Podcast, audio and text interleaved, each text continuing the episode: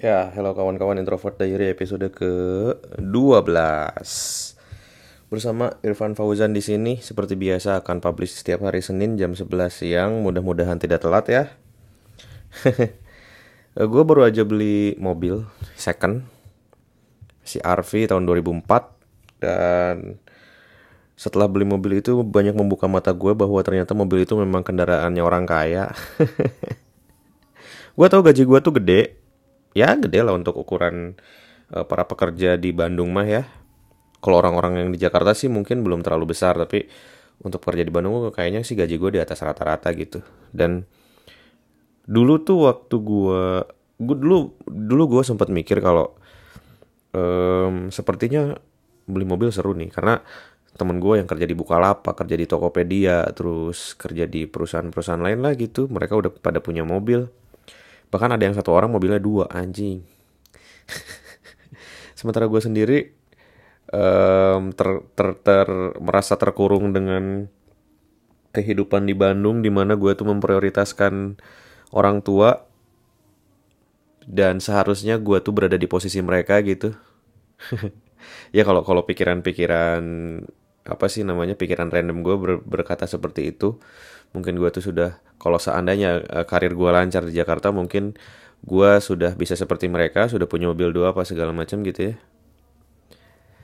Tapi gue lebih memilih untuk um, tinggal di Bandung bersama orang tua dan hasilnya gue menemukan perempuan yang uh, bisa mengobati semuanya bisa bisa mengisi kekosongan.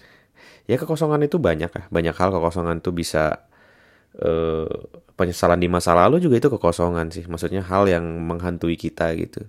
Dan semenjak gue menemukan istri gue gue lupa semuanya. Gue lupa soal konflik-konflik yang terjadi di masa lalu gue um, bentar-bentar oke. Okay. ya konflik-konflik yang terjadi di masa lalu gue nah ngomongin soal mobil balik lagi ya. Nah itu ingin gue bahas lagi soal soal tentang tentang masa lalu atau kejadian-kejadian yang pernah kita sesali. Cuman gue pengen dikit ngebahas tentang baru aja gue punya mobil gitu. Dan gue tuh merasa agak sedikit takut bawa mobil ke kantor karena jalannya agak-agak ekstrim. Walaupun mobil gue ya yang gue beli ini si RV 2004 yang padahal mobil itu adalah mobil yang cocok untuk medan-medan ekstrim seperti itu cuman gue masih agak-agak takut. Terus gue juga nggak bisa bayangin kalau mobil menjadi kendaraan utama gue kemarin aja waktu hari minggu gue main ke Pascal ya di Bandung.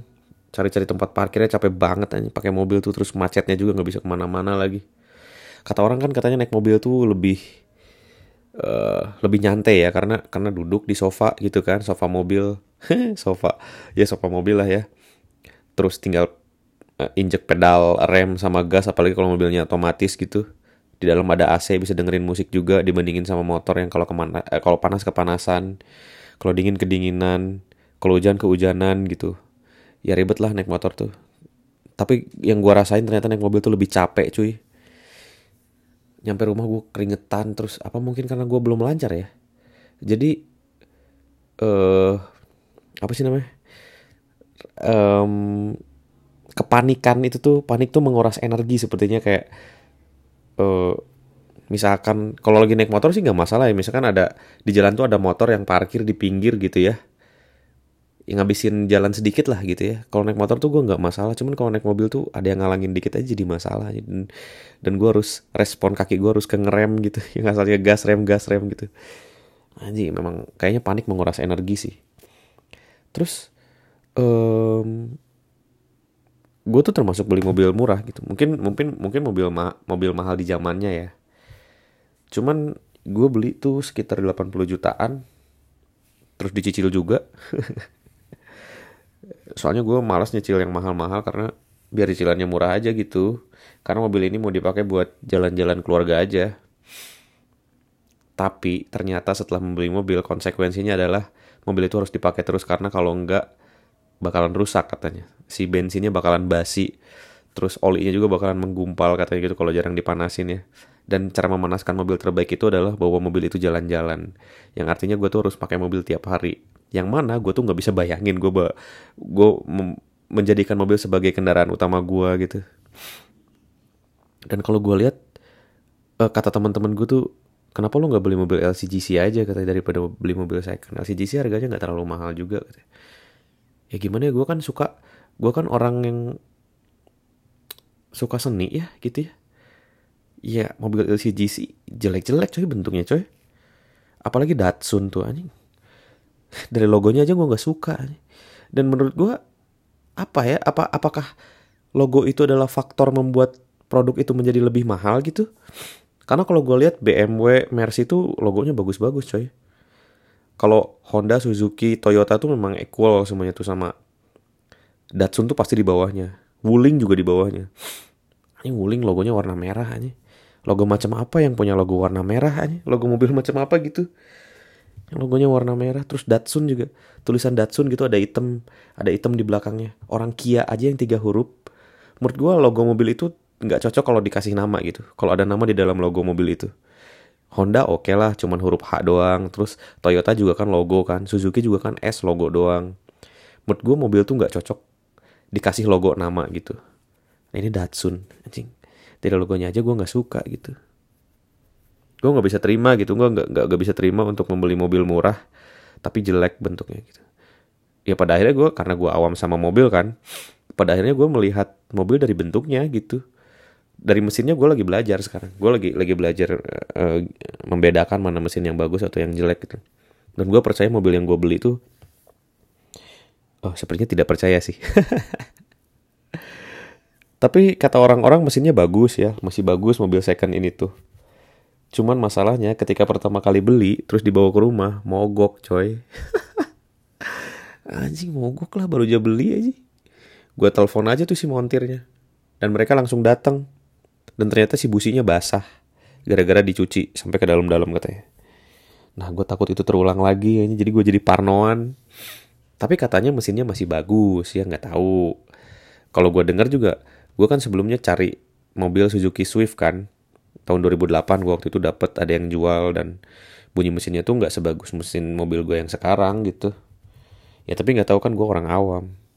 Nah karena gue orang awam orang awam jadi gue membedakan mobil dari bentuknya dari desainnya gitu. Gue lebih suka desain desain yang kayak kalau mobil-mobil city car gue suka kayak Suzuki Swift karena bentuknya itu mirip kayak uh, apa ya Mini Cooper. Dan gue suka mobil Mr Bean. Gue memimpikan mobil itu. Dan sebenarnya mobil si kalau gue tuh sukanya mobil-mobil SUV gitu.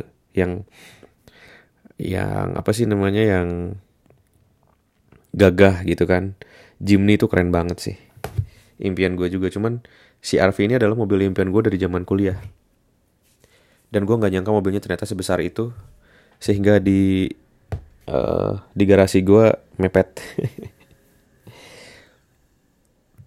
Dan gue sih sepertinya besok akan bawa mobil ke kantor. Semoga saja nyali gue nggak turun ya. Kalau besok gue gak bawa mobil ke kantor berarti nyali gue turun nih. gila, gila, gila mobil susah banget dah. Sebenarnya Honda gue nggak suka sama logonya sih. Huruf H dari atas ke bawah yang mengerucut atau yang mengecil gitu kayak aneh banget. Toyota juga aneh logonya. Suzuki lumayan lah, Suzuki menurut gue bagus logonya. Di di antara kelas-kelas mobil itu ya. Terus apa lagi ya? Suzuki Toyota Honda terus Kia. Menurut gue jelek sih logonya Kia sih karena eh uh, aneh lah. Nissan nah menurut gue yang tulisannya yang logo mobil yang ada tulisannya dan bagus itu adalah Nissan. Karena mungkin dari namanya juga bagus ya Nissan. Enak gitu mau dibikin tipografi sebag se, se, semodif apa pun kayaknya dibikin se, desain seliar apa pun masih bagus gitu kayaknya. Terus Lexus Lexus lumayan lah.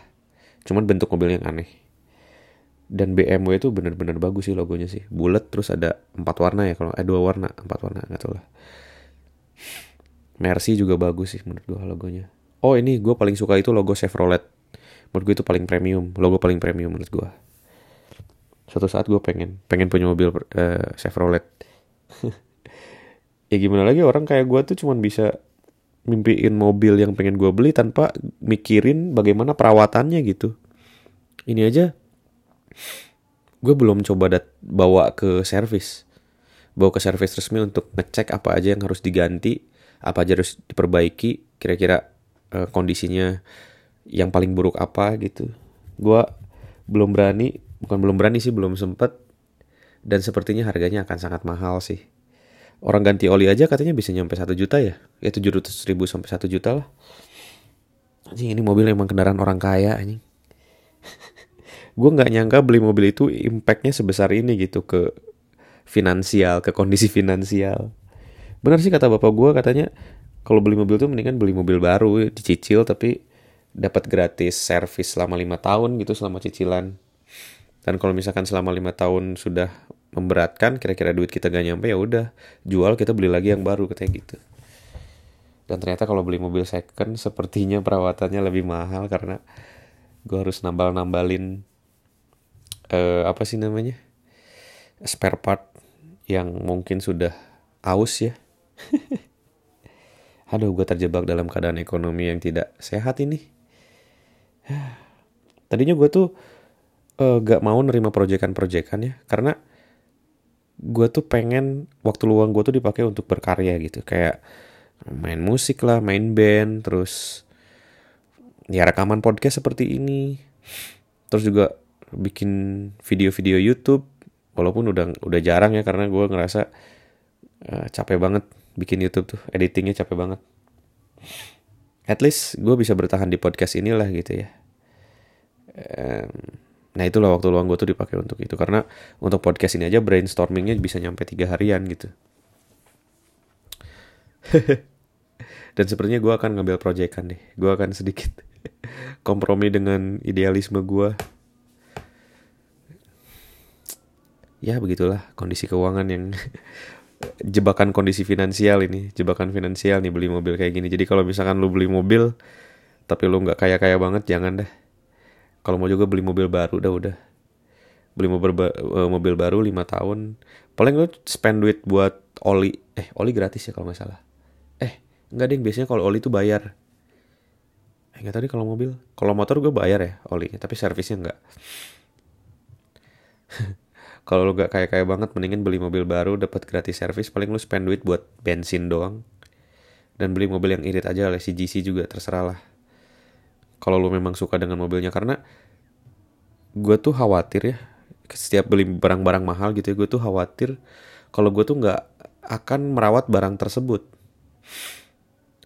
Nah oleh karena itu gue belinya si RV 2004 karena si RV 2004 ini adalah mobil yang gue suka dari zaman kuliah gitu kalau gue beli yang LCGC yang Datsun atau Toyota Ayla, Kaila, Kalia, Ayla apalah itu mungkin gue nggak akan rawat dia dengan baik karena gue nggak suka sama mobilnya gitu. Tapi kalau misalkan lu butuh-butuh banget mobil dan gaji lu nggak gede-gede banget ya udahlah kompromi lah. Sejelek apa pun mobil lu ya lu harus rawat gitu. Dan ternyata gue aja yang ngerasa gaji gue gede gitu ternyata merasa terjebak dengan kondisi finansial seperti ini kalau gini caranya kapan gue bisa beli rumah ini ternyata memang uh, eh, gue merasa dibukakan mata ya. Kalau orang-orang yang punya rumah punya mobil itu memang orang-orang yang kaya. Yang masuk kategori kaya lah yang gajinya puluhan puluhan juta bukan 10 juta ya puluhan juta. Hah. Uh, kita ngomongin soal yang tadi ya yang yang apa sih? Um, terjebak di masa lalu ya? Oke. Okay. uh, eh, gue tuh baru aja nonton Time Freak yang mainnya tuh Sophie Turner. Aktris perempuan favorit gue bukan karena aktingnya bagus tapi karena dia cantik ya kayak gue ngefans sama Aura Kasih aja lagunya mah sampah tapi gue suka sama orangnya gitu. Time Freak terus yang mainnya tuh siapa yang cowoknya tuh ya? Dia tuh yang cowoknya tuh suka main di film-film bagus kok. Wait gua search dulu. Time Freak. Si Asa Butterfield. Nah um, dia tuh jadi menceritakan soal suatu hubungan yang uh, si cowok ini tuh si namanya siapa ya? Uh, bentar bentar. Case-nya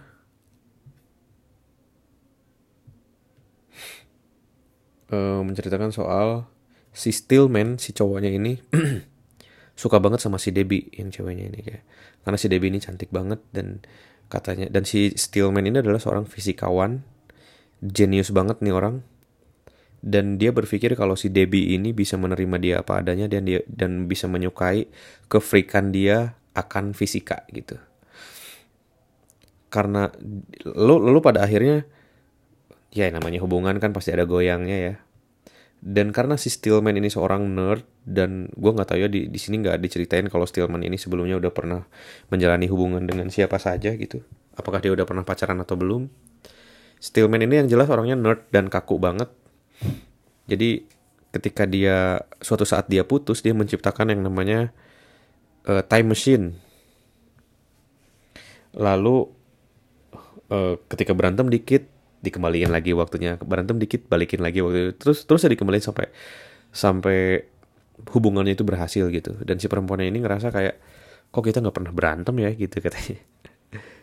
Dan dan si Steelman-nya juga stres gitu ketika lagi ada konflik dia tuh ngerasa kayak kenapa hanya gua doang nih yang memperbaiki hubungan ini teh? Gitu.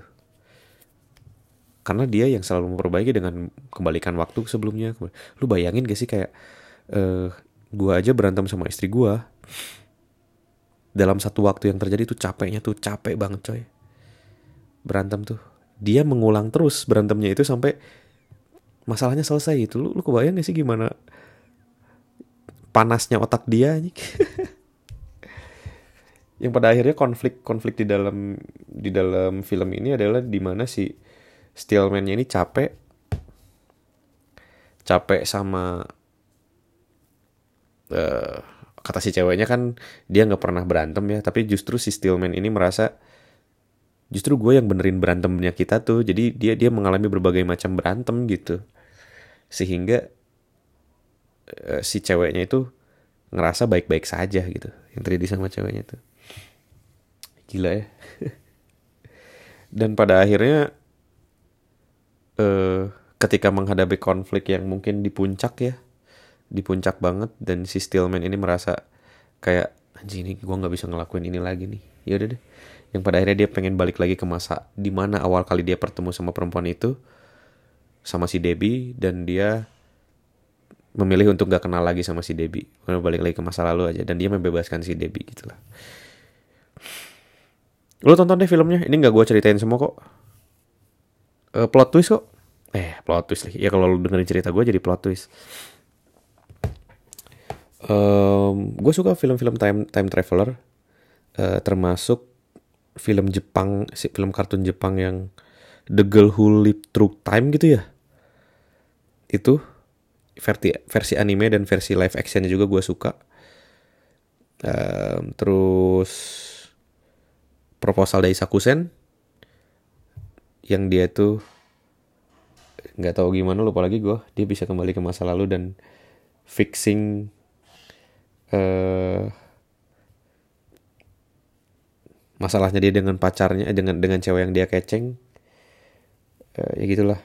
Proposal dari Sakusen terus apa ya kalau film-film Interstellar termasuk Interstellar ya. Termasuk time traveler bukan sih? Bentar. Terus ada lagi film time traveler yang paradox yang dia tuh dilahirkan oleh dirinya sendiri gitu. Apa sih? Belum apa itu uh, bentar bentar. Gue lupa lagi namanya.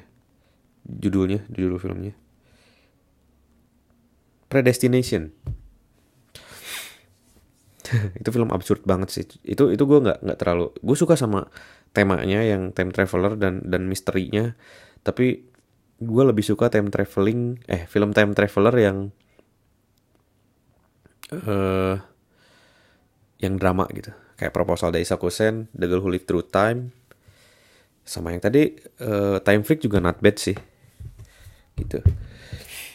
Dan yang gue lihat dari beberapa film time traveler ini adalah um, kalau gue harus milih gitu ya, kalau gue dihadapkan dengan time machine terus gue diminta punya kesempatan untuk kembali ke masa yang mana sepertinya gue nggak akan ngambil deh karena nggak tahu ya gue gue merasa suka aja dengan keadaan gue yang sekarang gitu. Nah gue tuh suka suka aneh aja sama orang-orang di Twitter atau di sosial media mana pun yang di mana mereka tuh kayak seandainya gue gue punya Doraemon bisa naik apa laci masuk ke laci yang itu tuh yang mesin waktu itu gue bisa datang ke mana aja terus gue bisa perbaiki masa lalu gue menurut gue sih statement-statement yang kurang dewasa sih karena sebenarnya konflik-konflik yang terjadi di, di masa lalu itu yang menjadikan kita seperti sekarang ini gitu. Dan entah kenapa ya sepertinya orang yang punya yang nyangkut di masa lalu itu ah orang yang nyangkut di masa lalu dan orang yang sensitif itu relate. Gue merasa ya. Gue merasa seperti itu kayak misalkan lu kerja di suatu perusahaan terus lu nggak berhasil di perusahaan itu dan lu di terminate misalkan kontraknya karena kerja lu nggak baik dan lu tuh masih menyesal soal hal itu lalu lu masuk ke perusahaan baru dan lu lebih tegas kerjanya itu lebih tegas. Lebih protektif lebih protektif sama kerjaan lebih perfeksionis. Kalau misalkan uh, ada orang yang ngehalangin lu marah-marahin dia lu akan lebih sensitif protektif sama uh, apa yang terjadi saat itu karena lu takut masa lalu lu itu akan terulang gitu. Menurut gue, nah itu juga mungkin yang melandasi ada beberapa atasan-atasan yang yang apa sih? Yang tegas, bukan tegas ya. Yang freak lah gitu. Yang bosi gitu ya. Mungkin dia tuh punya sesuatu di masa lalu yang dia sesali sehingga uh, dia tuh sensitif aja gitu sama kerjaannya. Atau juga uh, pacar pacaran. Misalkan cewek lu posesif banget. Posesif banget. Mungkin dia dulunya itu masih menyesal masih terjebak di masa lalu di mana dia tuh dihianati oleh laki-laki gitu. Akhirnya pada pada zaman sekarang dia protektif. Menurut gue penyesalan di masa lalu dan tingkat kesensitifan orang di masa sekarang itu relatable. Nah, makanya untuk sebenarnya untuk menjadi orang yang gak sensian itu adalah berdamai dengan diri sendiri. Berdamai dengan diri sendiri tuh bisa mencangkup banyak hal. Bisa menerima keadaan yang terjadi sekarang, bisa juga menerima keadaan yang terjadi di masa lalu, kayak misalkan lu lu dihianati sama cowok atau cewek lah cewek dia cowok dihianati sama cewek gara-gara si cowok itu terlalu baik terlalu membebaskan gitu. Pada akhirnya si cewek itu uh, jalan sama cowok lain misalkan. Nah karena lu takut itu terjadi lagi maka lu jadi agak-agak protektif nih sama pacar lu sekarang.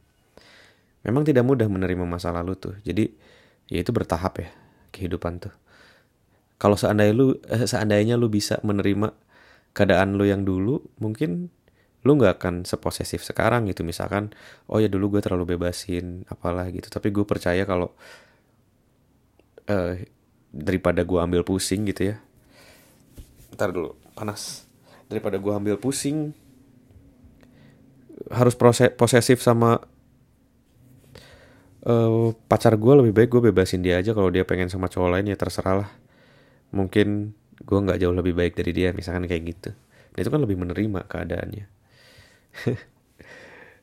Jadi sebenarnya bagi gue ya kunci dari bagaimana caranya biar lu nggak sensitif adalah terima keadaan.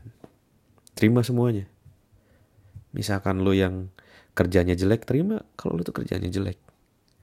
Kalau misalkan lu eh uh, apa ya? Lu gendut misalkan terima kalau lu tuh gendut. Gitu. Karena kan kebanyakan apalagi orang-orang gendut ya. Kebanyakan orang-orang gendut tuh kalau dihina kalau dihina dihina jelas jelas marah. Atau misalkan di dibully dikit terus dia sakit hati gitu. Dicengin dikit dia sakit hati gitu. Ya mungkin lu nggak terima kalau lu tuh gendut karena di imajinasi lu itu adalah lu yang ramping gitu lu yang badannya bagus gitu. Padahal kenyataannya lu itu gendut. Berarti lu nggak belum bisa terima dengan keadaan lu yang sekarang gitu. Gue tuh waktu kecil dihina-hina kulit hitam loh. Si hidung si hidung terus si mie karena rambut gue kayak kayak mie ya keriting. Dan gue tuh nggak marah karena gue ngerasa ya it's okay aku juga gue juga hitam sempet sih sempet marah sih. Sempet marah karena waktu kecil tuh gue nggak tahu nggak nggak nggak tahu mana diejek tuh bener-bener menghancurkan harga diri gitu ya.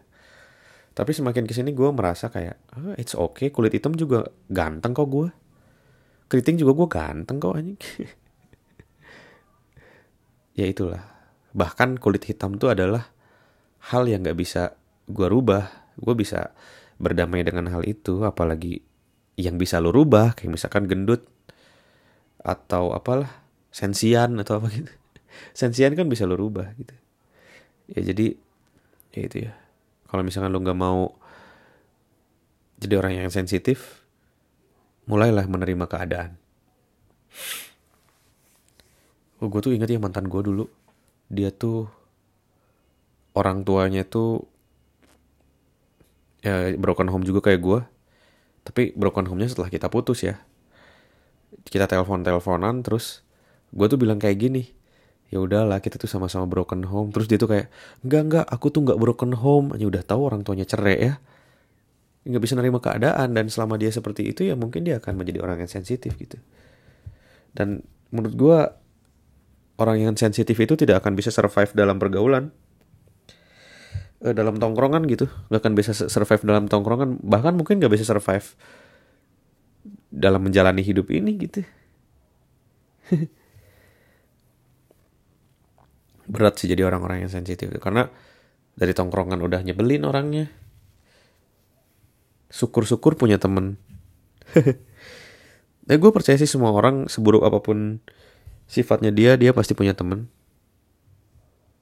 Eh, orang-orang yang suicidal gitu, yang bunuh diri, menurut gue dia pasti punya orang yang dia percayai gitu, yang dekat sama dia. Jadi seharusnya nggak ada alasan untuk tidak ada support dari temannya sendiri dan membuat orang itu bunuh diri katanya.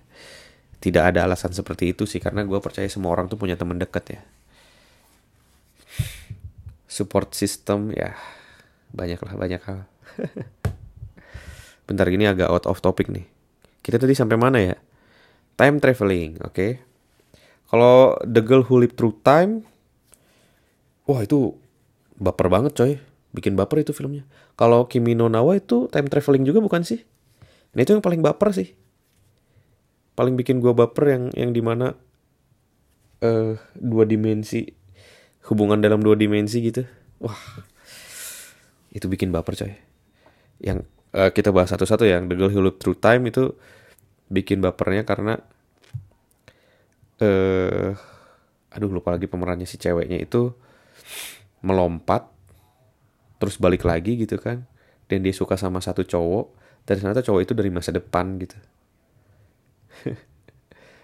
Itu yang versi animenya. Kalau yang versi live actionnya tuh ya hampir sama-sama juga sih. Cuman yang ini tuh lebih uh, lebih dramatis aja gitu. Ada suatu kejadian kecelakaan bis di mana orang yang dia sukai di masa lalu tuh akan segera meninggal gitu dan dia ingin menyelamatkan. Padahal dia tuh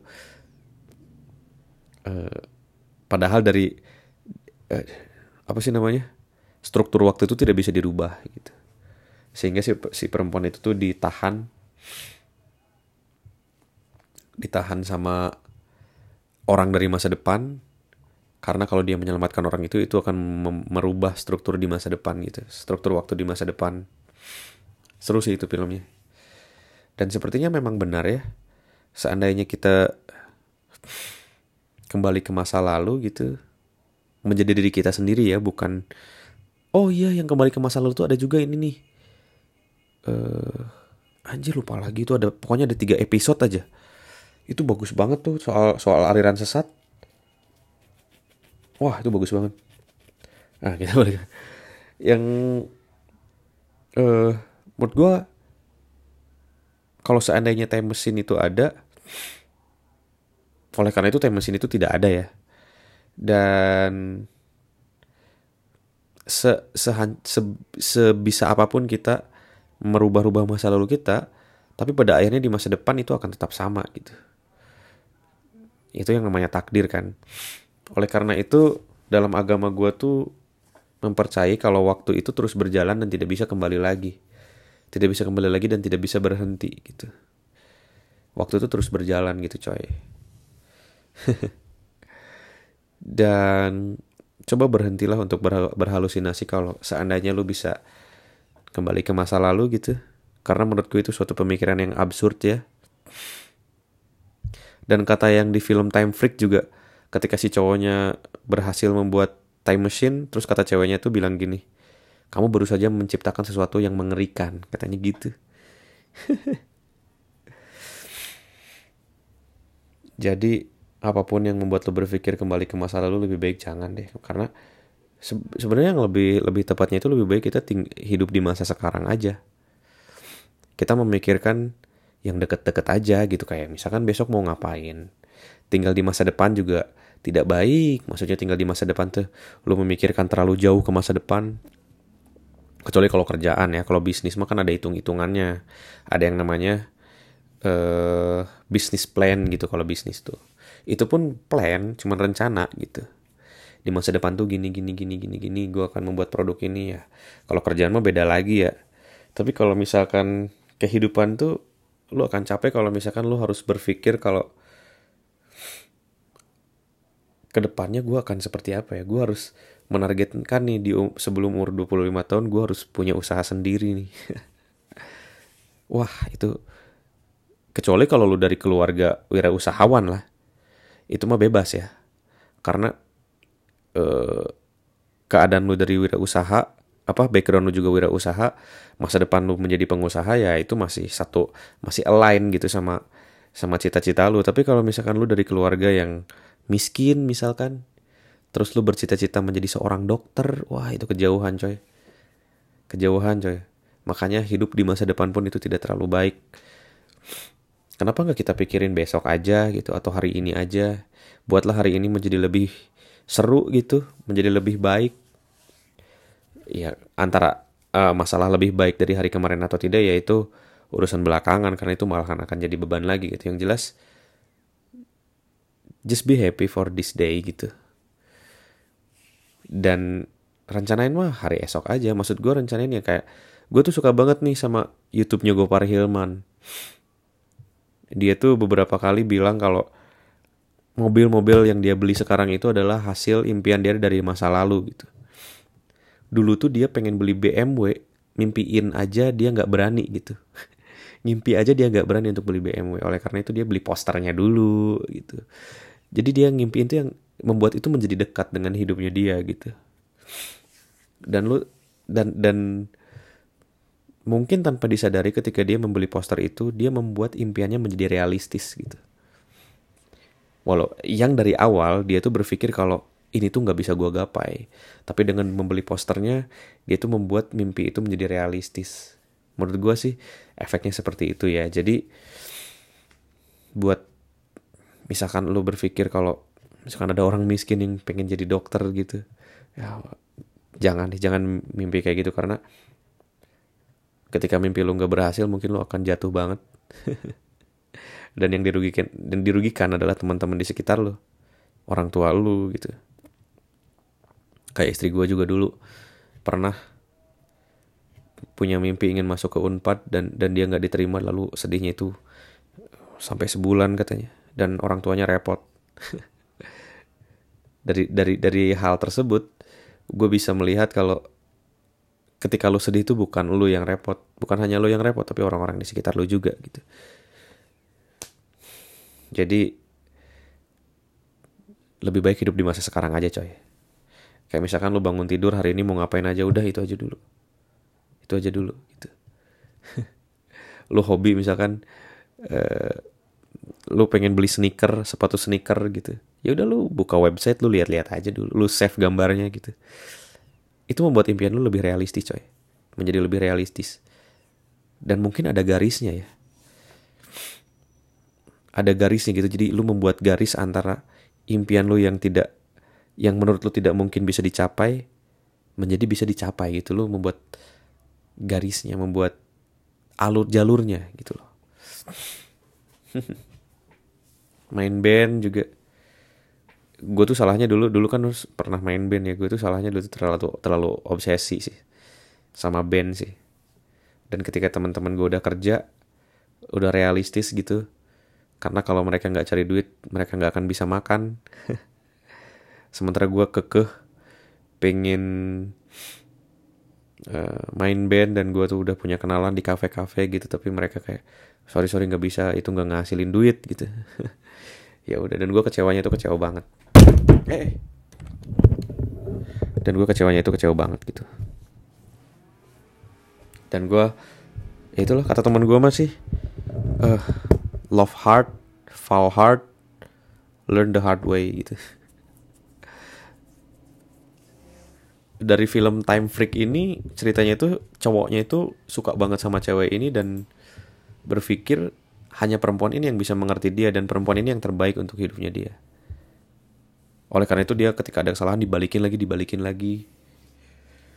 Nah ini juga nih yang ya beberapa waktu lalu teman-teman cowok teman cowok ya teman cowok ya, cerita sama gue kalau dia baru aja memutuskan hubungan dengan wanita dan dia tuh bilang kayak sepertinya nggak ada yang lebih baik dari perempuan ini katanya. Dia bilang kayak gitu. Gue khawatir gue nggak akan temuin yang lebih baik dari perempuan ini. Nah, pikiran-pikiran kayak gitu dulu harus hilangkan sih coy. Karena sebenarnya yang lebih baik tuh banyak di dunia ini tuh. Tapi tergantung kita mau berhenti di mana. Dan orang orang-orang seperti ini yang merasa yang terbaik itu hanya terjadi sekali dalam hidupnya dia pasti dia berpikir soal time traveling. Seandainya dia pinter pasti dia mau bikin time machine gitu ya kalau emang ceweknya udah nggak mau digimanain lagi cuy. Yang pada akhirnya lu sendiri yang capek di film itu juga kan diceritain pada akhirnya cowok itu yang capek karena dia udah bikin time time mesin cowok itu capek banget lah bikin yang kayak gitu.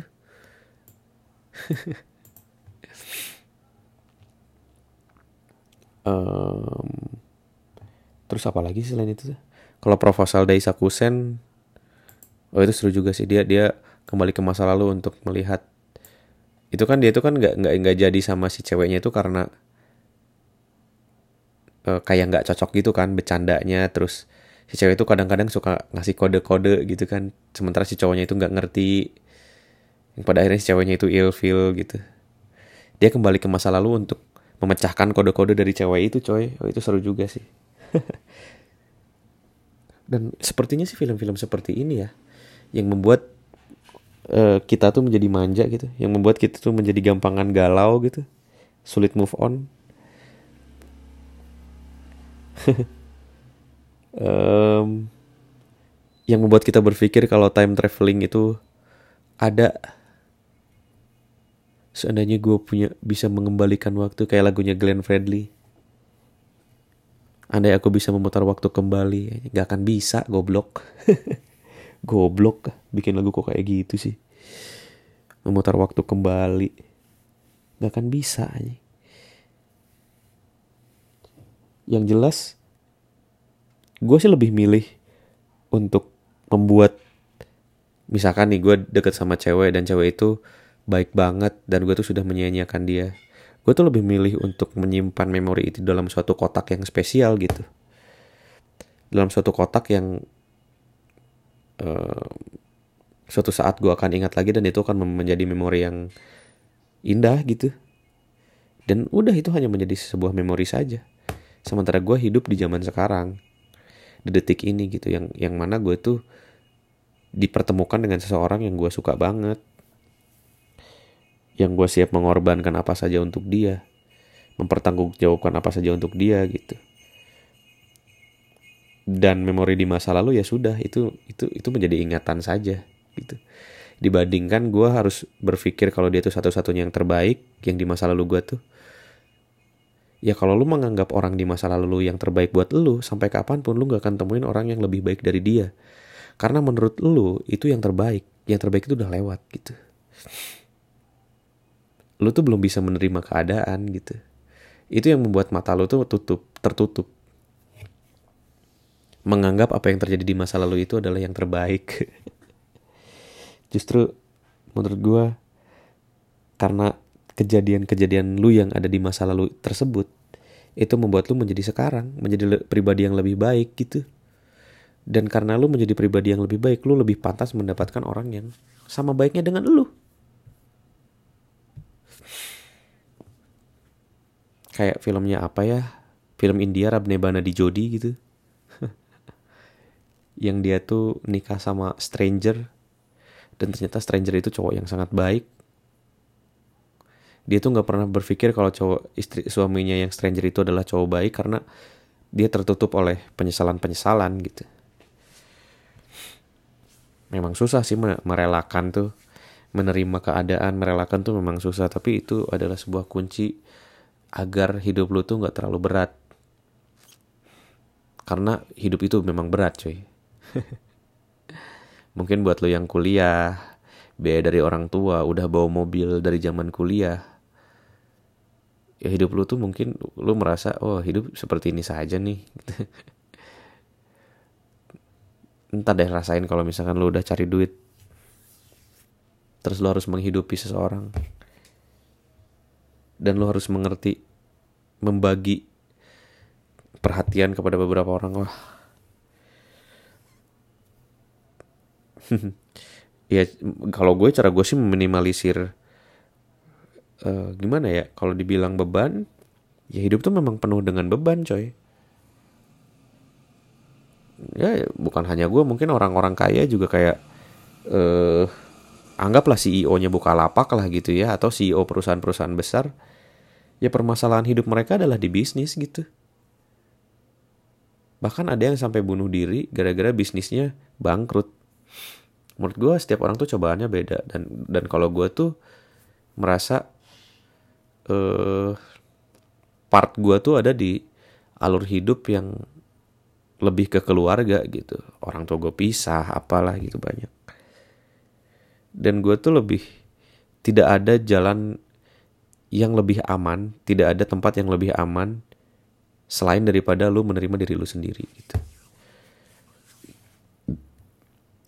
Tidak ada tempat yang aman selain daripada lu menjadi orang yang uh, tangguh gitu apa ya tegar gitu. Lu harus tegar coy. Janganlah mikir-mikir kembali ke masa lalu karena ya kalaupun ada lu mau ngapain gitu. Kalau gue sih mungkin kalau gue kembali ke masa lalu gue akan kembali ke masa di mana gue baru aja disunat. Karena di situ gue bisa main Nintendo sepuasnya. Itu aja paling kalau gue mah. Jadi ya itulah ya. Hah, thank you teman-teman yang sudah dengerin podcast Introvert Diary. Silahkan DM untuk yang bertanya atau ingin berpendapat, berargumen apa pun itu silahkan ya DM di IG gue aja at irfauzan underscore. Silahkan nggak perlu follow cukup DM aja. Kalau emang lu nggak suka sama feed gue dan gue rasa juga feed gue nggak bagus-bagus banget Ya sudah kalau gitu thank you ya yang sudah dengerin. Bye.